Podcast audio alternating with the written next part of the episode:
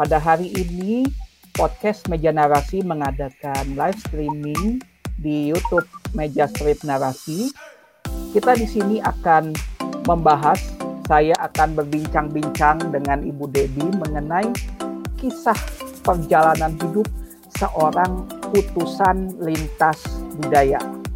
Ya, nah jadi saksikan bersama-sama karena kita akan mengupas tuntas apa itu utusan lintas budaya, apa saja pekerjaannya, apa saja yang mereka lakukan, dan mungkin kalau sobat narasi ada yang tertarik untuk menjadi utusan lintas budaya, bagaimana cara mengetahuinya? Apa yang harus dipersiapkan sebelum menjadi utusan lintas budaya? Bintang tamu kali ini adalah rekan kuliah saya pada waktu dulu kuliah S2 Teologi, yaitu Ibu Debbie Flora Erlitawati MPH. Um, beliau um, mengambil major khusus teologi dan misi. Ya, um, sedikit uh, cerita singkat bahwa saya nggak panggil Ibu Debbie, saya panggil Kak Debbie biar lebih luas gitu ya. Boleh, Kak silakan. Kak Debbie ini adalah seorang utusan lintas budaya yang uh, pernah mengabdi uh, di China selama kurang lebih 10 tahun. Ya, nah Ibu uh, Kak Debbie bolehkah sharing secara singkat nih kepada sobat-sobat narasi semua nih tentang uh, perjalanan Kak Debbie? Kenapa kok bisa terpanggil um, sebagai rohaniawan Kristen kemudian secara khusus kok akhirnya mengarah ke utusan lintas budaya. Iya.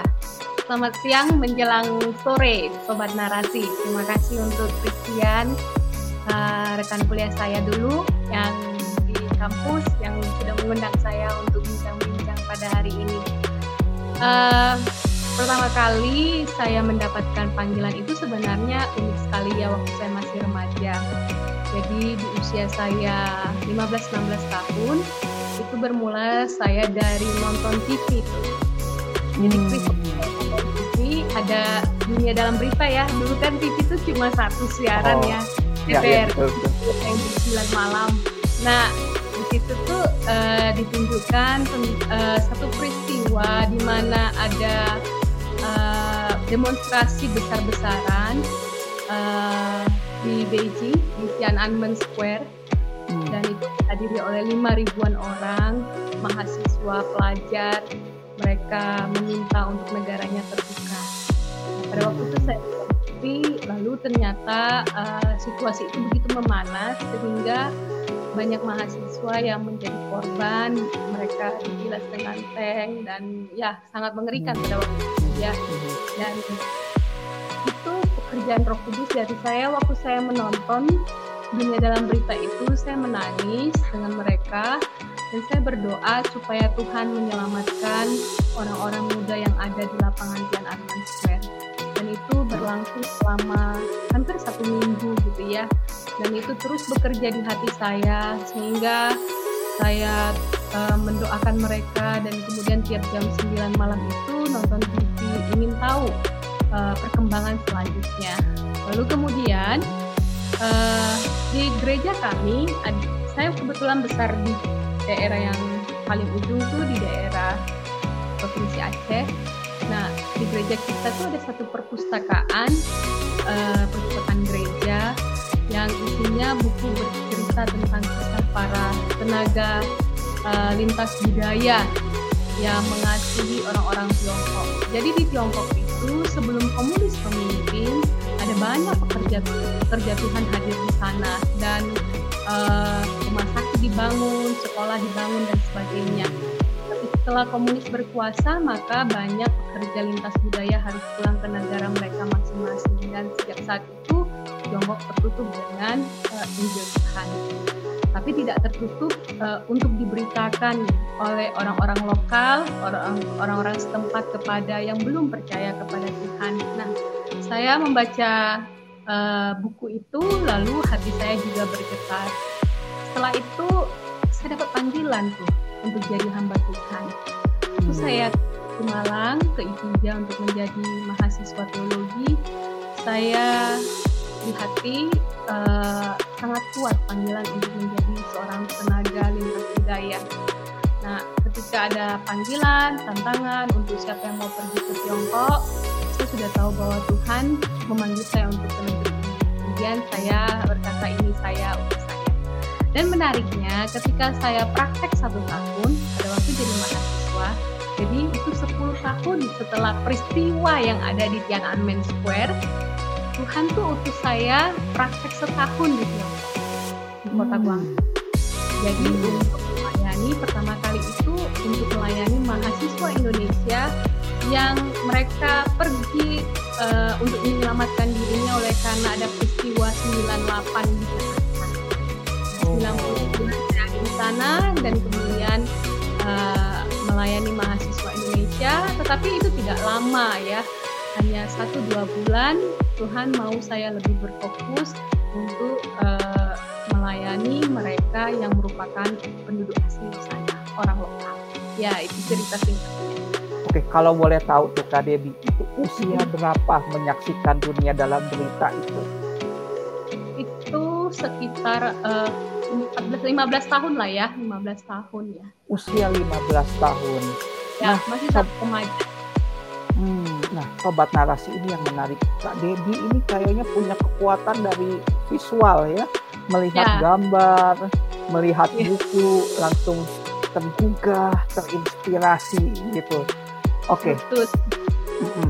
Nah, saya teringat sebelum kita masuk lebih jauh ke dalam tanya jawab ini, ke dalam diskusi ini, um, Kak Dini, uh,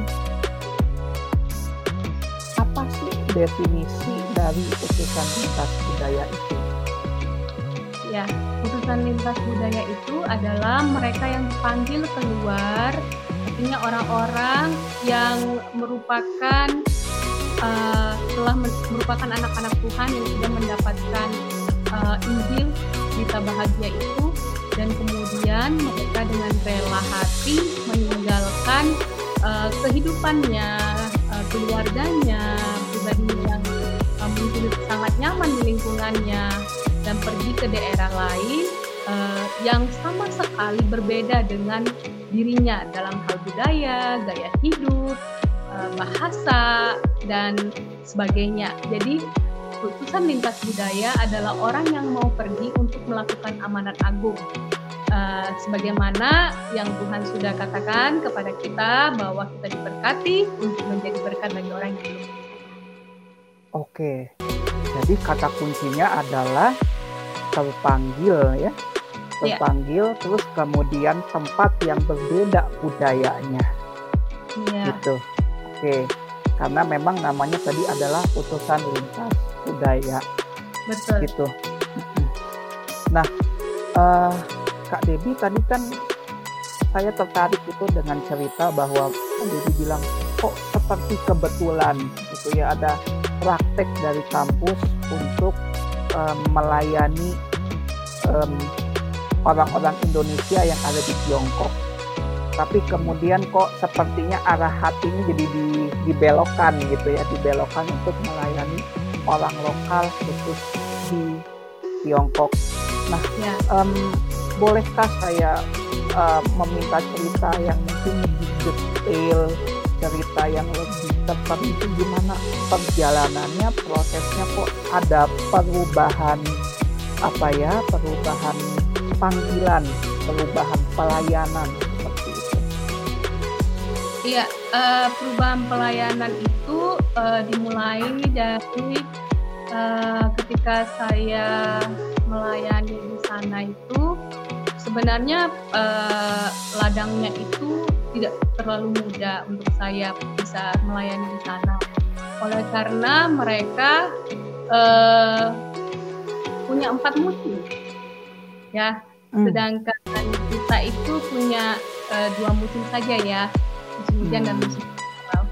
Untuk hmm. saya pribadi, saya sangat uh, susah untuk berada di sana khususnya pada waktu musim dingin seperti itu atau kalau oh, panas okay. gitu ya. Itu hmm. sesuatu hmm. adaptasi uh, dari diri saya itu perlu usaha juga gitu ya. Dan di samping uh, uh, bahasa yang sama sekali saya nggak pernah dengar maksudnya saya tidak tumbuh di lingkungan bahasa Mandarin kemudian hmm. tahun saya pelayanan satu tahun di sana uh, saya uh, pulang ke Indonesia dan menyelesaikan skripsi pada waktu menyelesaikan skripsi itu saya sempat juga katakan dengan Tuhan dalam doa saya bahwa saya ingin uh, meninggalkan panggilan ini karena menurut saya begitu berat karena kita tinggalkan keluarga, tinggalkan kehidupan kita, budaya kita, juga uh, iklim yang berbeda dengan kehidupan di Indonesia. Lalu uh, saya mencoba untuk uh, bergain ya, maksudnya dengan Tuhan, tanya Tuhan dan kemudian bilang Tuhan saya di Indonesia saja dulu ya untuk melayani dan menginjil gitu ya. Nah dari pelayanan Indonesia yaitu melayani di waktu itu saya melayani bersama rekan-rekan EE Evangelist Explosion juga masuk ke gereja-gereja dalam uh, untuk menjadi uh, tenaga bagi penginjilan untuk menjelas uh, field worker untuk EE dan melayani di gereja-gereja yang ada dan saya mulai menikmati itu. Tapi pada saat uh, ada di hati saya juga rasa gelisah. Kalau yang tadi saya katakan itu adalah panggilan. Kalau Tuhan memanggil, kita nggak pernah bisa lari dari panggilan itu. Dan Panggil itu di hati saya, Tuhan bilang bukan di sini untuk saya tempatnya.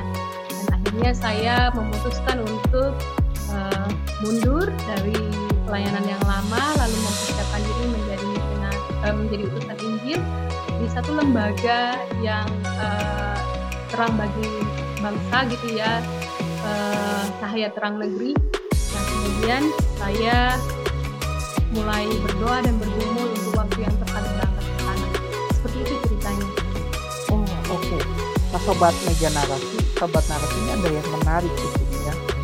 Jadi tadi ada semacam apa ya karena melihat situasi kondisi pelayanan yang penuh tantangan.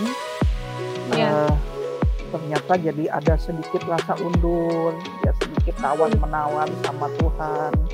Sobat narasi ini memang rasanya hal yang lumrah terjadi ya di kalangan orang-orang yang memang dipanggil Tuhan untuk pelayanan sepenuh waktu yang namanya keraguan namanya tawar menawar sama Tuhan. Tapi menariknya memang kalau sudah panggilan nggak ke mana. Ya, ya. Kalau sudah panggilan kita tidak pernah bisa lari. Karena ini juga bicara tentang amanat agung ya. Dan kita juga uh, tahu dari beberapa bagian firman Tuhan termasuk di perjanjian lama dan perjanjian baru bahwa Tuhan ingin seluruh suku bangsa bersuka cita. Tuhan ini bahwa seluruh suku bangsa mengenal kabar keselamatan. Dan orang percaya adalah imamat yang rajani yang diutus oleh Tuhan untuk menyampaikan kabar baik itu. Hmm, oke, oke. Jadi uh, pada akhirnya Kak Dewi membulatkan hati, membulatkan tekad untuk pelayanan sebagai utusan lintas budaya di China, begitu ya. Betul bagaimana respon orang tua, respon keluarga ketika mendengar uh, Kak Debbie membulatkan hati menjadi putusan lintas budaya di China? Tentu saja mereka pertama kalinya pasti menolak ya, karena uh, saya pergi ke satu tempat yang keluarga saya nggak pernah ke sana gitu ya. Lalu uh, saya juga anak perempuan yang pertama di keluarga dan oh. papa saya tidak ada pastilah mama punya harapan-harapan khusus untuk saya. Lalu kemudian uh, mama berusaha uh, mengajak saya bicara bagaimana kalau tetap pelayanan di Indonesia, bekerja di Indonesia gitu ya dan adik-adik juga. Tetapi panggilan yang kuat itu uh, terus menggugah di hati saya dan saya terus bawa dalam doa. Dan memang akhirnya orang tua uh, memberikan uh, dengan rela juga ya bahwa untuk saya berangkat. Karena mereka pasti tahu juga bahwa bagaimanapun setelah kita jadi hamba Tuhan kita dalam Tuhan tapi uh, itu tadi mama saya selalu berbicara bahwa cobalah minta sama Tuhan untuk tetap ada di Indonesia begitu ya. Tidak usah ya, ya. itu juga keluarga ada tawar menawar seperti itu. Nah, uh, tapi saya bersyukur mereka memberikan saya kesempatan ataupun mereka memberikan pintu untuk saya pergi dan berangkat itu cukup lama ya untuk saya ada di sini. Sekitar 10 11 tahun bukan waktu singkat ya dan itu luar biasa juga bekerja dengan keluarga Oke, nah ini sobat megenerasi. Jadi kalau memang sudah bertekad melayani Tuhan, uh, pasti ada jalan. Tuhan pasti sediakan. Memang lumrah wajar ya keluarga yang namanya menolak awalnya, tapi ya udah berdoa berdoa berdoa terus gitu ya. ya yang Um, adalah doa. Nah, Kak Devi, oke, jadi Kak Devi sudah dapat izin dari keluarga, kemudian berangkat ke China. Em, saya tahu ini mungkin satu hal yang sensitif gitu ya untuk menyebutkan daerah, tetapi bolehkah disampaikan kepada kami? eh, mungkin kalau tidak nama tempatnya, tetapi bayangan kondisi daerahnya seperti apa, eh, penduduknya seperti apa gitu supaya em, saya dan juga sobat meja narasi ada gambaran. Ya, kota ini adalah kota ketiga, kota perdagangan ya eh, di sana. Dan boleh dikatakan eh, luasnya itu hampir sama dengan Jakarta, bahkan mungkin lebih luas ya, sangat maju. Eh, setiap hari eh, kita bisa melihat ada banyak sekali orang-orang asing ada di sana dialek bahasa lokal mereka adalah Tanton. Jadi eh, selatan sebenarnya. Dan eh, selama saya tinggal di sana, saya juga ada pergi ke beberapa daerah, provinsi-provinsi yang lain, dan memperlengkapi gereja yang ada di sana. Eh, menarik sekali adalah bahwa memang eh, negara ini sangat maju. Tetapi di tengah kemajuan negara ini, mereka membutuhkan kabar baik. Ada banyak orang bertanya-tanya tentang tujuan hidup, lalu jadi ini perpaduan ya Chris antara budaya yang begitu kental ya budaya Tionghoa yang begitu kuat dengan kemajuan zaman modernitas yang ada gitu ya Hmm. dan menarik menarik di kota ini jadi eh, tapi saya juga menyaksikan bagaimana waktu di kota itu eh, karena banyak orang datang ke daerah tersebut dari berbagai provinsi untuk mencari kehidupan.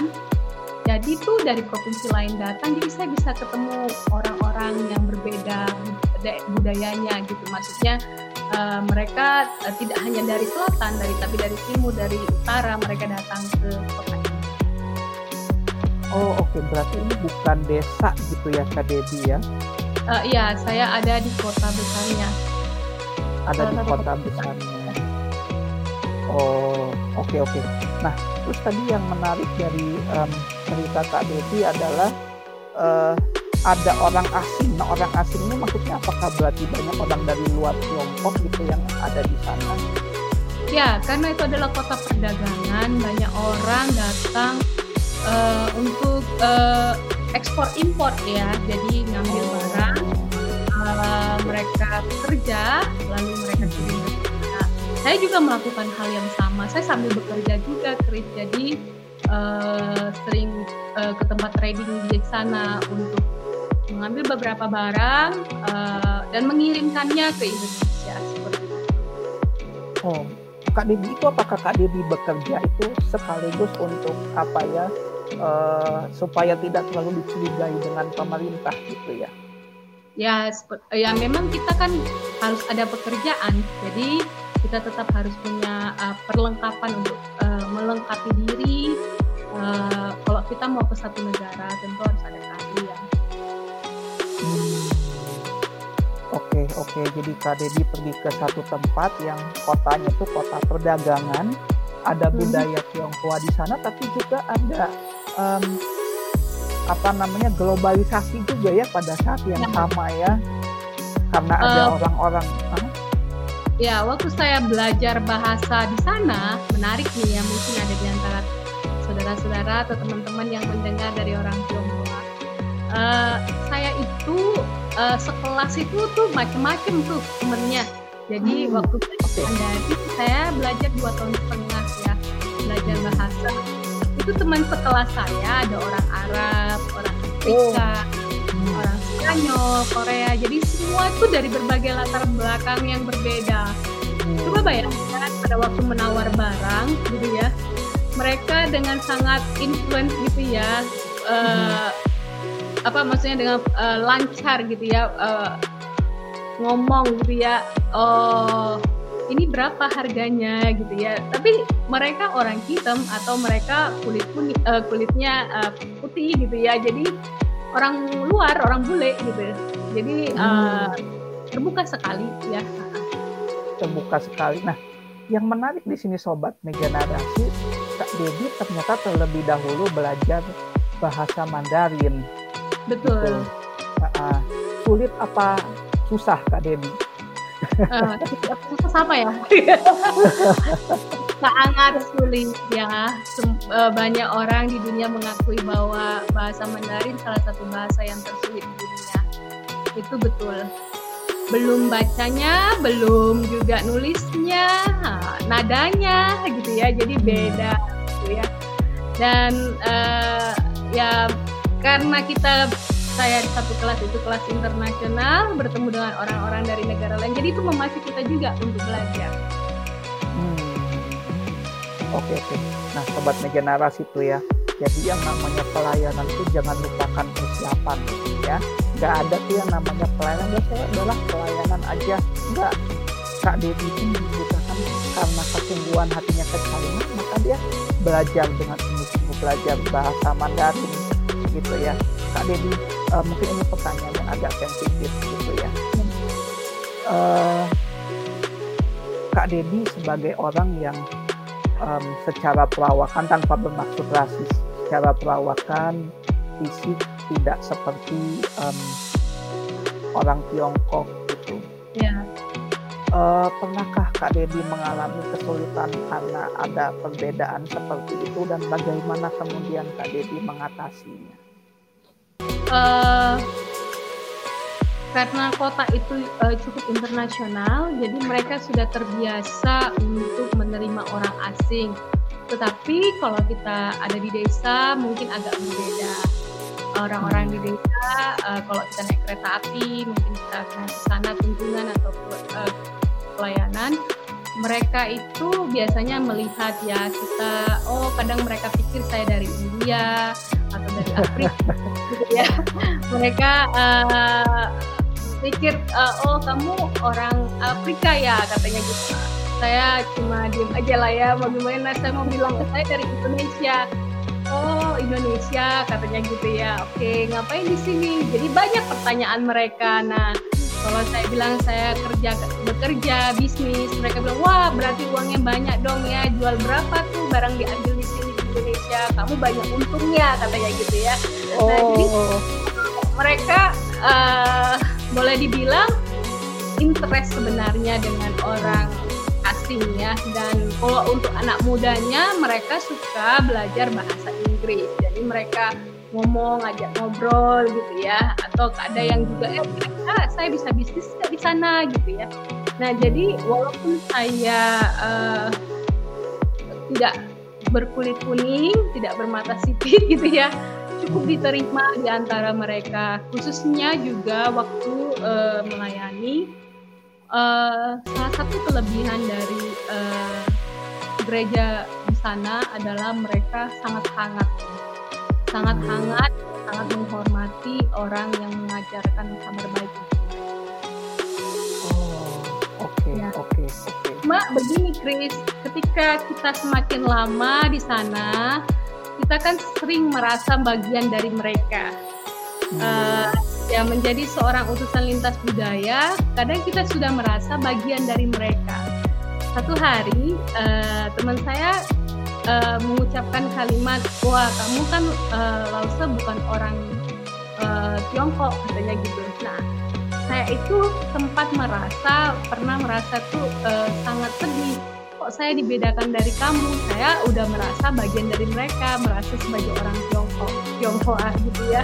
Tapi ya. memang sebagai utusan lintas budaya kita sering berada di uh, dua budaya yang berbeda pada waktu kita berada dalam dua budaya yang berbeda, ketika kita pertama masuk ke budaya lain, kita mulai uh, merasa uh, excited biasanya awalnya excited senang gitu ya. Tapi setelah semakin lama kita mengalami ada pergumulan karena itu pelan-pelan kita udah meninggalkan budaya kita lalu masuk kepada budaya yang baru. Jadi kita seperti di uh, sungai dengan kapal ada di tengah kita mau ke mana ini gitu ya.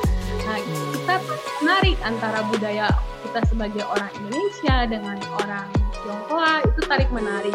Nah, sampai kemudian setelah kita lebih lama lagi dan uh, penyesuaian diri, adaptasi semakin baik, kita akan menjadi merasa seperti orang mereka, sebagai uh, seperti orang dari budaya baru yang kita kunjungi. Pada waktu kita merasa menjadi bagian mereka dan ternyata mereka tidak merasa bahwa kita bagian mereka, itu kadang uh, menjadi hal yang cukup uh, ya boleh dibilang seorang utusan lintas budaya harus bisa terima kamu nggak sepenuhnya bagian dari mereka seperti itu. Nah, seorang utusan lintas budaya yang sudah benar-benar merasa bagian dari budaya baru itu, dia juga uh, akhirnya akan menyesuaikan diri dan memahami saya memang bukan dari bagian mereka. Dan juga ketika dia sudah benar-benar uh, adaptasinya itu kuat waktu dia mau switch ke budaya Indonesia atau ke budayanya sendiri lokal itu sudah nggak masalah. Jadi seperti excited jadinya gitu nah kak Didi ini sangat menarik tadi yang tadi kak Dedi sampaikan tentang uh, tarik menarik antara budaya asli akar budaya kak Dedi sebagai orang Indonesia secara khusus sebagai orang Batak dengan ya. dengan apa namanya budaya lokal Kak Dedi pelayanan sebagai utusan lintas budaya ya. ini sebenarnya cerita yang apa ya mungkin saya belum pernah mendengar gitu dan ketika Kak Dedi cerita seperti ini saya jadi teringat ucapan Paulus. Yang Paulus bilang e, bagi orang Yunani aku menjadi seperti orang Yunani. Bagi orang Yahudi aku menjadi seperti orang Yahudi. Nah e, bagaimana sih Kak Dedi memahami tulisan ucapan Paulus ini? Karena di situ kan Paulus seperti bilang bagi orang asing aku seperti orang asing. Tapi ketika aku pulang ke my country negaraku budayaku aku jadi balik lagi seperti bagaimana sih pemahaman Kak Dedi tentang ini? Boleh di-sharingkan? Ya untuk saya bagian kebenaran firman Tuhan ini tuh um, mendorong dan menguatkan saya bahwa setiap utusan lintas budaya harus belajar. Pertama kalau dia mau diutus ya harus mau re dengan rela hati belajar budaya baru. Dan ketika ada di sana ya harus belajar menanggalkan uh, pemikiran-pemikirannya. Karena kadang kita merasa superior ya. Uh, budaya saya lebih bagus dari budaya orang itu gitu ya. Jadi saya nggak mau tuh terima mereka. Itu itu tuh nggak bisa. Jadi kita harus uh, mengembangkan sikap uh, belas kasih, uh, empati dan menghargai orang lain sebagaimana Tuhan menerima mereka sehingga kita bisa berkomunikasi dan memahami mereka uh, dengan baik. Jadi sungguh-sungguh uh, bisa terima mereka sebagaimana Tuhan terima. Jadi kita uh, ketika ada di tengah-tengah mereka, memang kita harus menjadi seperti mereka sama seperti mereka. Tapi pada waktu kita kembali ke negara kita, memang kita juga harus belajar menyesuaikan diri dengan hidup budaya kita sendiri. Walaupun itu namanya re-entry ya, masuk kembali ke budaya hmm. kita seperti ya, saya sempat re-entry. Tentu itu ada uh, culture shock juga. Jadi selalu ada. Waktu kita mau masuk budaya baru ada uh, culture shock tapi waktu kita kembali juga ada re-entry juga culture shock jadi boleh dibilang uh, kita jadi warga negara kerajaan Allah harusnya jadi maksudnya kita jadi orang yang punya pemikiran uh, dunia ini sementara gitu ya tapi tempat saya nanti sebenarnya adalah di rumah Tuhan. Jadi Amin. Uh, harus ada tanamkan di hati kita seperti itu. Dan rumah kita di mana? Jadi secara tidak langsung uh, tips dari Kak Devi ketika mengalami mungkin ada kebimbangan budaya gitu ya, kembangkanlah iya. empati dan uh, kenakanlah pemikiran bahwa saya ini warga negara surga gitu ya. Iya. Oke, menarik sih sebenarnya tentang yang ini. Um, Kak Devi saya juga jadi tertarik tanya lagi nih. Um, dan mungkin orang-orang di Indonesia khususnya orang di Indonesia mungkin kadang bingung sebenarnya secara umum seperti apa sih gambaran kondisi gereja di China apakah sebegitu menderitanya seperti yang diisukan atau bagaimana tadi? Ya, gereja di China itu terbagi dua, ya gereja rumah dan gereja pemerintah. Tentu saja gereja pemerintah adalah gereja yang terdaftar gereja rumah adalah gereja yang mandiri, yang segala sesuatu dilakukan uh, mereka sendiri yang uh, dan tidak ada kaitannya dengan gereja pemerintah. Tetapi uh, untuk gereja pemerintah tentunya ada aturan-aturan apa saja yang bisa disampaikan uh, kepada orang banyak ya uh, secara mereka memang harus mendukung uh, propaganda dari pemerintah sendiri. Uh, jadi gereja itu menjadi gereja milik negara sebenarnya seperti itu. Dan untuk gereja rumah uh, mereka adalah orang-orang yang banyak sekali sangat minim dengan pengajaran umumnya sehingga sering kali dari gereja-gereja rumah seperti ini akan ada banyak aliran-aliran sesat. Itu sebabnya uh, banyak kebutuhannya itu adalah kebutuhan tenaga pengajar ya yang mengajar pemimpin-pemimpin uh, mereka untuk mengajar teologi kepada mereka. Jadi uh, kebutuhan uh, mengajar kebenaran firman Tuhan itu sangat besar di sana karena uh, sumber untuk mendapatkan uh, pengetahuan teologi yang uh, bernutrisi itu sangat minim di sana menurut saya. Oke. Nah kalau yang Kak Dedi pelayanan itu gereja rumah atau gereja pemerintah? Hmm, tentu saja uh, itu adalah gereja rumah dan uh, kita orang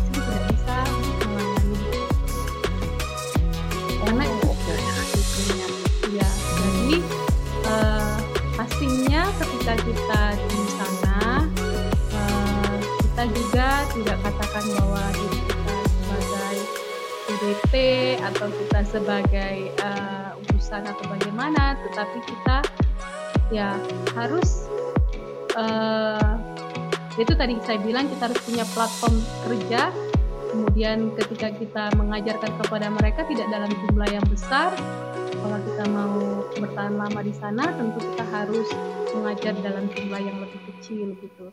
Karena memang ada aturan bahwa orang boleh berkumpul uh, di sana itu sekitar paling banyak itu 50, lebih dari itu tidak boleh harus bisa harus dilaporkan. Oh, oke, oke, oke. Nah, uh, saya tertarik tadi dengan apa namanya karena di gereja rumah-rumah gereja-gereja rumah itu minim pengajaran ada semacam ini ya banyak apa uh, pencampuran gitu ya antara uh, doktrin Kristen dan juga dengan uh, apa budaya setempat budaya lokal yang tidak sesuai ya gitu.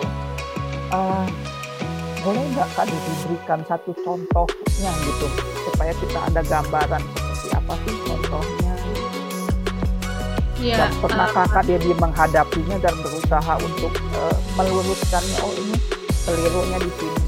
Di sini. Nah, nah, jadi ada satu pengajaran yang sangat menyimpang dan itu sudah di, uh, di, diumumkan di China. Jadi ada mungkin 14 15 uh, gereja atau ajaran aliran yang dianggap sesat oleh pemerintah. Nah, salah satunya saya bertemu itu pernah dengan uh, orang yang mengajarkan ajaran ini, uh, namanya Tung Pang Sangken. Jadi menurut mereka Yesus Kristus itu sudah datang uh, dan dalam wujud seorang wanita dan wanita itu adalah uh, berada di Tiongkok ya. Nah, jadi pemimpin yang mengatakan uh, bahwa kalau dulu yang datang adalah seorang pria yang memimpin, maka yang sekarang adalah seorang wanita. Seperti itu. Dan kemudian jadi ada campur aduk ya dalam pengajarannya gitu. Doktrinnya itu karena tidak ada uh, landasan berteologi yang benar sehingga terjadi penyimpangan. Oh, bagaimana Kak Dedi pernah nggak berurusan dengan pengajaran ini secara langsung dan berusaha untuk meluruskannya? Ya, uh, pernah. Jadi saya katakan kepada orang itu uh, bahwa sebenarnya yang diajarkan itu tidak benar bahwa juru selamat itu uh, Mesias itu bukan seorang wanita tapi seorang pria dan uh, lalu yang dijanjikan juru selamat yang dijanjikan untuk datang kedua kali sampai hari ini belum datang saya bilang dan kita tidak tahu kapan dia datang. Jadi uh, mengapa kamu katakan kamu adalah Mesias yang dijanjikan seperti itu ya? Jadi dalam diskusi-diskusi dengan mereka dan mereka orang yang sangat militan berarti ada resistensi juga ya dari mereka ya? Dia pun Kak Dewi ya. sudah menyampaikan yang benar gitu ya. Dan mereka uh, sangat militan sehingga ke mana saja mereka mau pergi mau datang untuk pergi uh, menjangkau jiwa dan kalau boleh saya katakan bahwa bahkan sampai mau menghilangkan nyawa orang juga karena tidak sepaham dengan mereka. Ya, ya dan itu tidak tidak masalah untuk mereka. Oh. Jadi itu campur aduk pengajaran kekristenan ya dan uh, jadi orang yang sudah percaya yang ikut mereka di kota tidak boleh kembali ke keluarga dan sebagainya itu terjadi di sana. Nah makanya memang kekristenan uh, di sana itu uh, tidak terlalu baik gitu ya oleh karena uh, adanya orang-orang yang membawa pengajaran yang sesat. Nah, selain kisah sejarah yang perang candu, bagaimana agama Kristen bisa dikatakan terlibat dalam hal ini. Jadi uh, sedikit banyaknya banyak orang itu uh, waspada dengan pengajaran walaupun di satu sisi mereka juga terbuka dengan Nah ini ada ada salam dari sobat kita tadi dari Brando Valentino. Semangat Halo. terus sangat Ci Debbie, Tuhan memberkati. Terima kasih Brando menyempatkan waktu. iya. Uh, baik, jadi ternyata uh, kesulitan menjadi utusan lintas budaya itu bukan cuma ada resistensi dari pemerintah, tetapi juga ada uh, resistensi juga dari golongan-golongan uh, yang pengajarannya menyimpang gitu ya. ya, ya. Hmm, dari kiri iya, dari kanan iya. Oke, jadi itu tantangan-tantangan.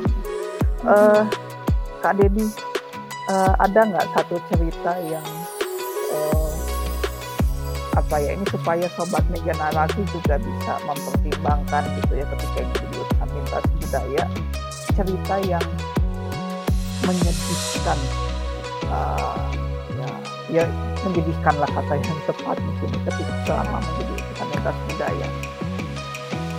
Yang menyedihkan adalah pernah ya banyak kalau mau menyedihkan tapi juga tantangan ini membuat kita semakin kuat dalam Tuhan satu hari uh, saya tidak tahu apakah saya pernah cerita ini dengan Christian. Ada seorang ibu datang kepada saya dengan saya, dia datang ke tempat kita, kemudian dia menangis karena ternyata uh, dia bawa satu kantong plastik yang di dalamnya adalah robekan Alkitab tuh. Jadi Alkitab kita ini dirobek-robek sampai uh, semuanya dirobek dalam satu kantong plastik.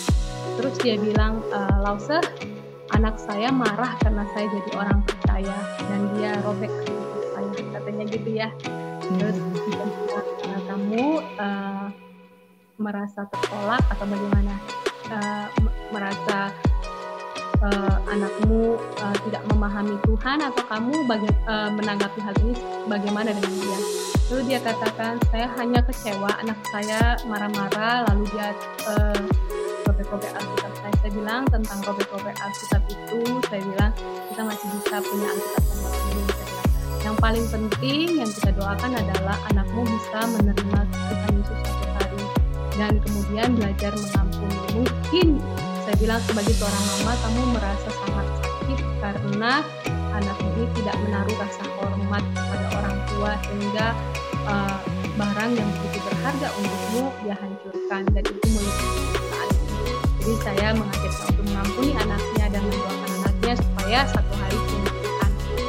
Uh, dan kemudian uh, beberapa tahun kemudian anaknya itu memang kemudian menjadi Kristen dan juga anak dan akhirnya uh, cucunya diberi izin untuk uh, sekolah minggu dengan kita sama-sama jadi bilang ada tantangan ya kita membawa orang untuk melihat tidak hanya melihat kesedihan, tertolak dan sebagainya, tapi melihat sebagai satu berkat bagaimana ini adalah kesempatan supaya anak yang dikasihi mendengar dan mengenal kebenaran Tuhan.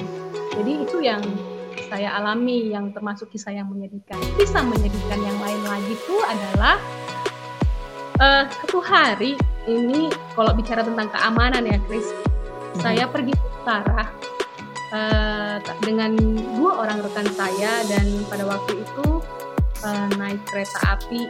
Nah, kami dari utara pulang ke selatan juga naik kereta api.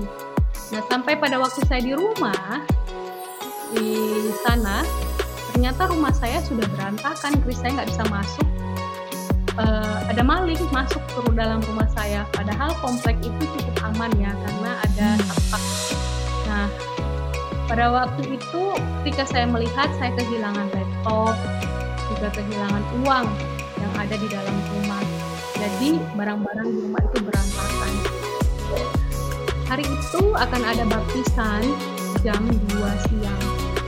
Peristiwa itu saya sampai di rumah jam 11. Tapi saya tentu sangat sedih ya, karena saya kehilangan barang-barang dan rumah saya berantakan, pintu rumah juga nggak bisa ditutup gitu ya.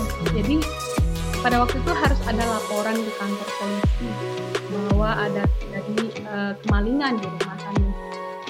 Tentu saya tidak bisa ada di rumah itu, Chris, karena uh, berkaitan dengan keamanan, seharusnya saya tidak ada di situ karena rumah itu uh, atas nama rekan uh, pelayanan saya. Dan dalam rumah itu banyak sekali fakta dan beberapa lagi. Dan sangat cepat mengambil saya langsung nyimak nih saya langsung mau menyimak. Oke lanjutkan. Semua disimpan gitu ya lalu saya angkat saya segera bawa ke tempat yang lebih aman supaya ini tidak diketahui gitu ya. Dan menyiapkan hati untuk lakukan baptisan yang kedua ketika sampai gereja kami uh, tentu yang tahu hal ini adalah hamba Tuhan kita rekan kita. Tapi yang lain ini pergulatan saya dan sebagai seorang hamba Tuhan. Saya ambil waktu di ruangan, lalu uh, sebelum melakukan baptisan, saya bilang sama Tuhan, Tuhan, saya ini cukup capek loh, 26 jam perjalanan ya Saya pulang ke rumah, rumah saya kemalingan dan kehilangan beberapa barang, lalu kemudian harus juga menyelamatkan uh, Alkitab dan sebagainya dengan rasa takut kalau data pribadi saya di tangan orang yang tidak uh, bertanggung jawab. Dan itu antara uh, saya merasa tidak aman lagi di situ ya perasaannya. Lalu apa yang terjadi Chris uh, saya bilang sama Tuhan Tuhan saya kecewa saya bilang gitu. Saya marah saya bilang dengan situasi yang seperti ini dan saya akan lakukan baptisan. Dan saya nggak ada istirahat gitu ya ya langsung kerja gitu ya. Tapi dalam ketenangan dan berdoa uh, ketika mencari kehendak Tuhan Tuhan ingatkan berapa sih uh, hartamu yang hilang? Laptop uang uh, apa yang kamu rasakan? Kamu rasa takut gitu ya? Ya saya rasa takut nih nggak aman gitu ya? Karena polisi datang ke rumah. Dan saya baru tahu pada waktu itu polisi masuk rumah saya itu ada lima orang. Untuk cek peristiwa yang terjadi. Lalu Chris Tuhan bila ingatkan saya coba kamu lihat beberapa rekan yang kamu akan baptis saya lihat mereka dalam beberapa bulan ikut kelas baptisan dengan kita dan iman mereka itu adalah iman yang baru kepada Tuhan. Dari mereka tidak kenal Tuhan dan menjadi orang yang kenal Tuhan. Lalu Tuhan ingatkan kisah orang gila di Gerasa. Uh, harga oh, satu babi itu berapa kira-kira ya? Satu ekor babi berapa? M lah ya hari ini gitu ya. Untuk menyelamatkan uh, satu jiwa 2000 ekor babi itu Tuhan sudah peduli gitu ya harus selamatkan orang gila ini. Nah kamu tahu tidak berapa harga satu jiwa yang akan dibaptis nilainya sangat mahal. Waktu satu orang diselamatkan dia bisa bawa istrinya dia bisa bawa anaknya. Dan dibanding dengan harta dunia yang kamu miliki itu tidak ada apa-apanya. Terus Tuhan ingatkan juga bahwa rasa aman tenang hanya ada di dalam Tuhan kalau pada waktunya harus pergi dan tinggalkan Tiongkok uh, ya Tuhan akan pimpin juga gitu ya. Dan ternyata setelah peristiwa itu saya masih beberapa tahun lagi melanjutkan pekerjaan di sana.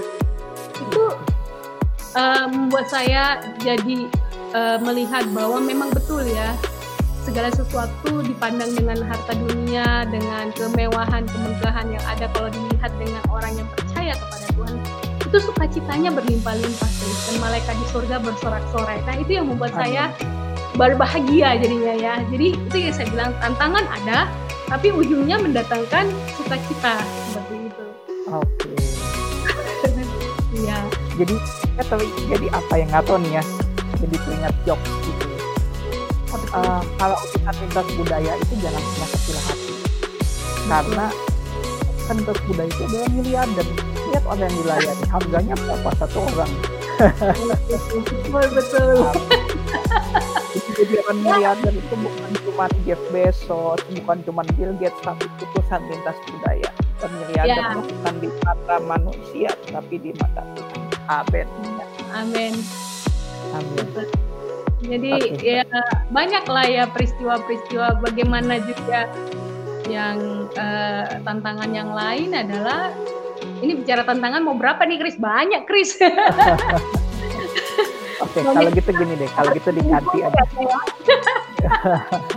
Tadi kan udah nih kisah-kisah yang menyedihkan, ternyata ujungnya menggembirakan. Ada nggak kisah yang jangan menyenangkan, karena tadi udah yang lucu, yang unik gitu, ketika yang bikin ketawa sendiri gitu ketika pelayanan sebagai utusan lintas budaya.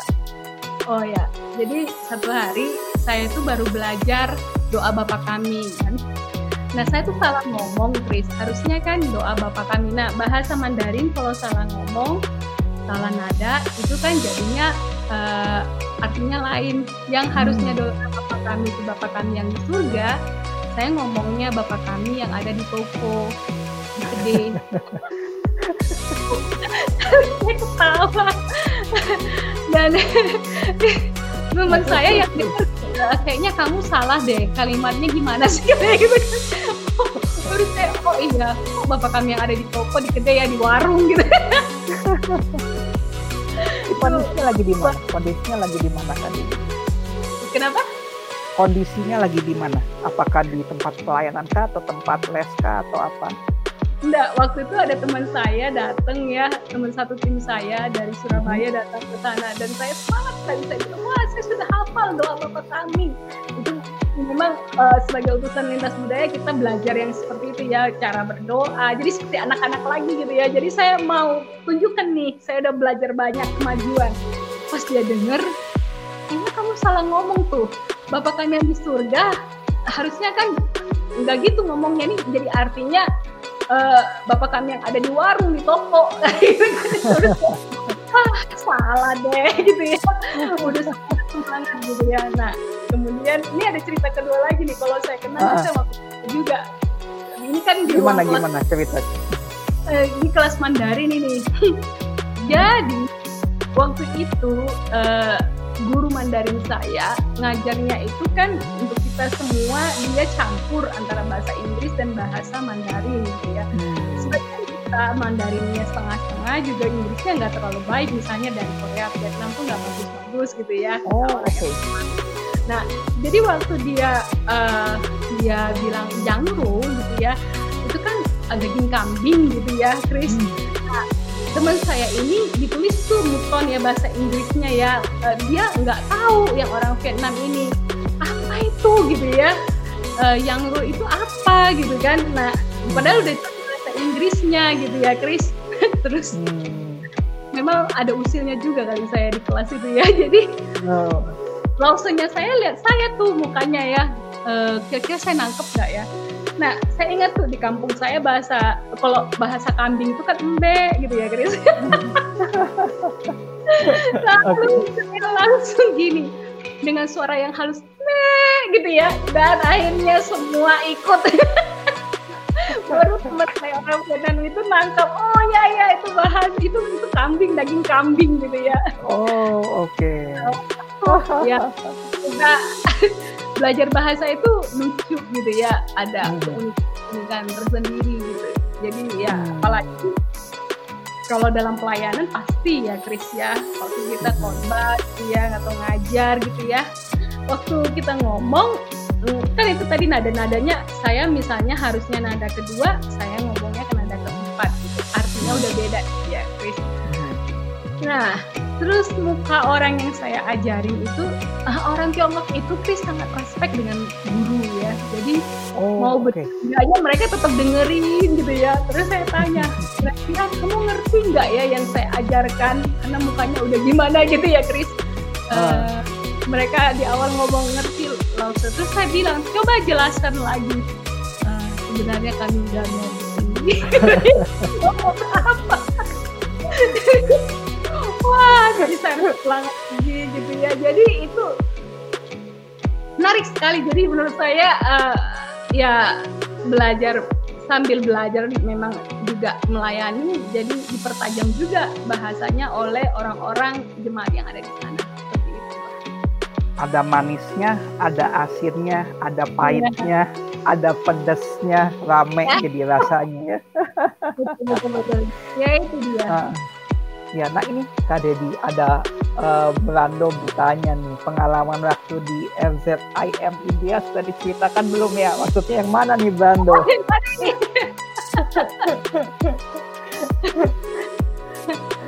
Oke, okay, ya. maybe next time ya, maybe next time karena sudah tertutup 53 menit. Oke. Okay. Nah, uh, Kak Debbie uh, mengingat waktu yang sudah mungkin cukup panjang nih kita nggak berasa diskusi. Ada nggak Kak Debbie um, saran bagi Kak Debbie terhadap orang-orang Kristen yang sedang menggumulkan panggilannya juga menjadi utusan lintas budaya? Hmm, Monggo. Ya, saran saya uh, teruslah berdoa lalu kembangkan sensitivity ya uh, sensitif dengan uh, apa yang Tuhan mau uh, kita lakukan. Biasanya uh, ketika saya baca kalau kita belum tahu ke negara mana kalau saudara lagi nonton TV atau lagi baca koran atau lagi pegang handphone ada satu berita atau tentang satu negara kondisi yang menggugah hati kita dan Tuhan terus bicara mengingatkan itu terus menerus berarti ada sesuatu yang Tuhan mau dan kita ambil waktu, waktu dan sikap doa lalu tanya Tuhan apa Tuhan mau ke sana. Kemudian eh, yang saya lakukan adalah mencari informasi sebanyak-banyaknya tentang negara yang akan kita pergi. Selain juga eh, badan misi maksudnya eh, mereka yang akan mau mengutus itu dari gereja atau dari lembaga jadi kita kumpulkan informasi sebanyak-banyaknya dan aturan-aturan tiap lembaga itu tentunya berbeda. Nah uh, juga sebagai seorang utusan lintas budaya kita juga harus menyiapkan kesehatan. Karena tentu medannya berbeda dengan tempat di mana kita berada. Jadi kita harus juga menyiapkan fisik yang kuat kalau kita memang mau menjadi saya. Tapi saya mengatakan juga bahwa kalau Tuhan panggil, sekalipun hari ini saudara dalam fisik yang lemah dan yakin saat Tuhan panggil ya, Tuhan pasti akan beri kekuatan. Uh, kasihan lagi nutrisi satu bagian. Ya. Saya itu sebenarnya fisiknya sangat lemah untuk berada ke sana. Uh, saya ada asma ya, bisa serangan tiba-tiba gitu kalau musim dingin. Uh, itu sebabnya saya bilang pada waktu saya praktek satu tahun saya nggak mau lagi ke sana karena saya beberapa kali dapat serangan uh, asma. Tapi karena Tuhan bicara begitu jelas tentang panggilan ini dan saya tidak bisa lari, saya hanya minta kekuatan yang Tuhan berikan uh, berlimpah untuk saya. Kasih karunia Tuhan cukup untuk saya. Ya, tahun pertama, tahun kedua, ketiga tentu ada adaptasi. Apalagi pada waktu musim-musim yang sangat dingin, udah baju pakai baju tiga lapis, empat lapis, saya udah kedinginan, keluar malam. Karena memang biasanya pekerjaan pelayanan itu di malam hari ketika orang pulang kerja ya. Oh. Uh, lalu kemudian hmm, tahun berikutnya Chris tahun keempat kelima keenam justru saya mulai sudah mulai kuat gitu ya. Beradaptasi dengan lingkungan yang ada dengan uh, cuaca yang ada. Dan akhirnya juga sekarang yang merindukan musim dingin jadi ya selalu ada kekuatan dari Tuhan ya, yang dulunya lemah yang nggak bisa angkat barang. Coba kamu bayangkan Chris kamu tinggal di lantai 6 atau di lantai 8 uh, eh, tidak ada lift. Saya seperti itu tuh. Tidak ada lift ya jadi angkat barang gitu ya uh, satu koper bisa 15 kilo atau 20 kilo gitu ya. Itu itu dengan kekuatan Tuhan loh karena nggak setiap saat ada orang atau ada tisung atau uh, saudara-saudara yang di sana bantu saya tidak setiap saat kadang saya tinggal sendiri kadangnya jadi ya harus harus mandiri gitu ya jadi memang seorang tenaga utusan tenaga injil uh, utusan lintas budaya itu harus punya kesehatan yang maksimal. Oke, okay, oke. Okay. Jadi sobat media narasi yang sedang menggumulkan panggilan sebagai utusan lintas budaya atau mungkin setelah mendengarkan kisah cerita hari ini kemudian kok saya tertarik ya saya kepengen ya.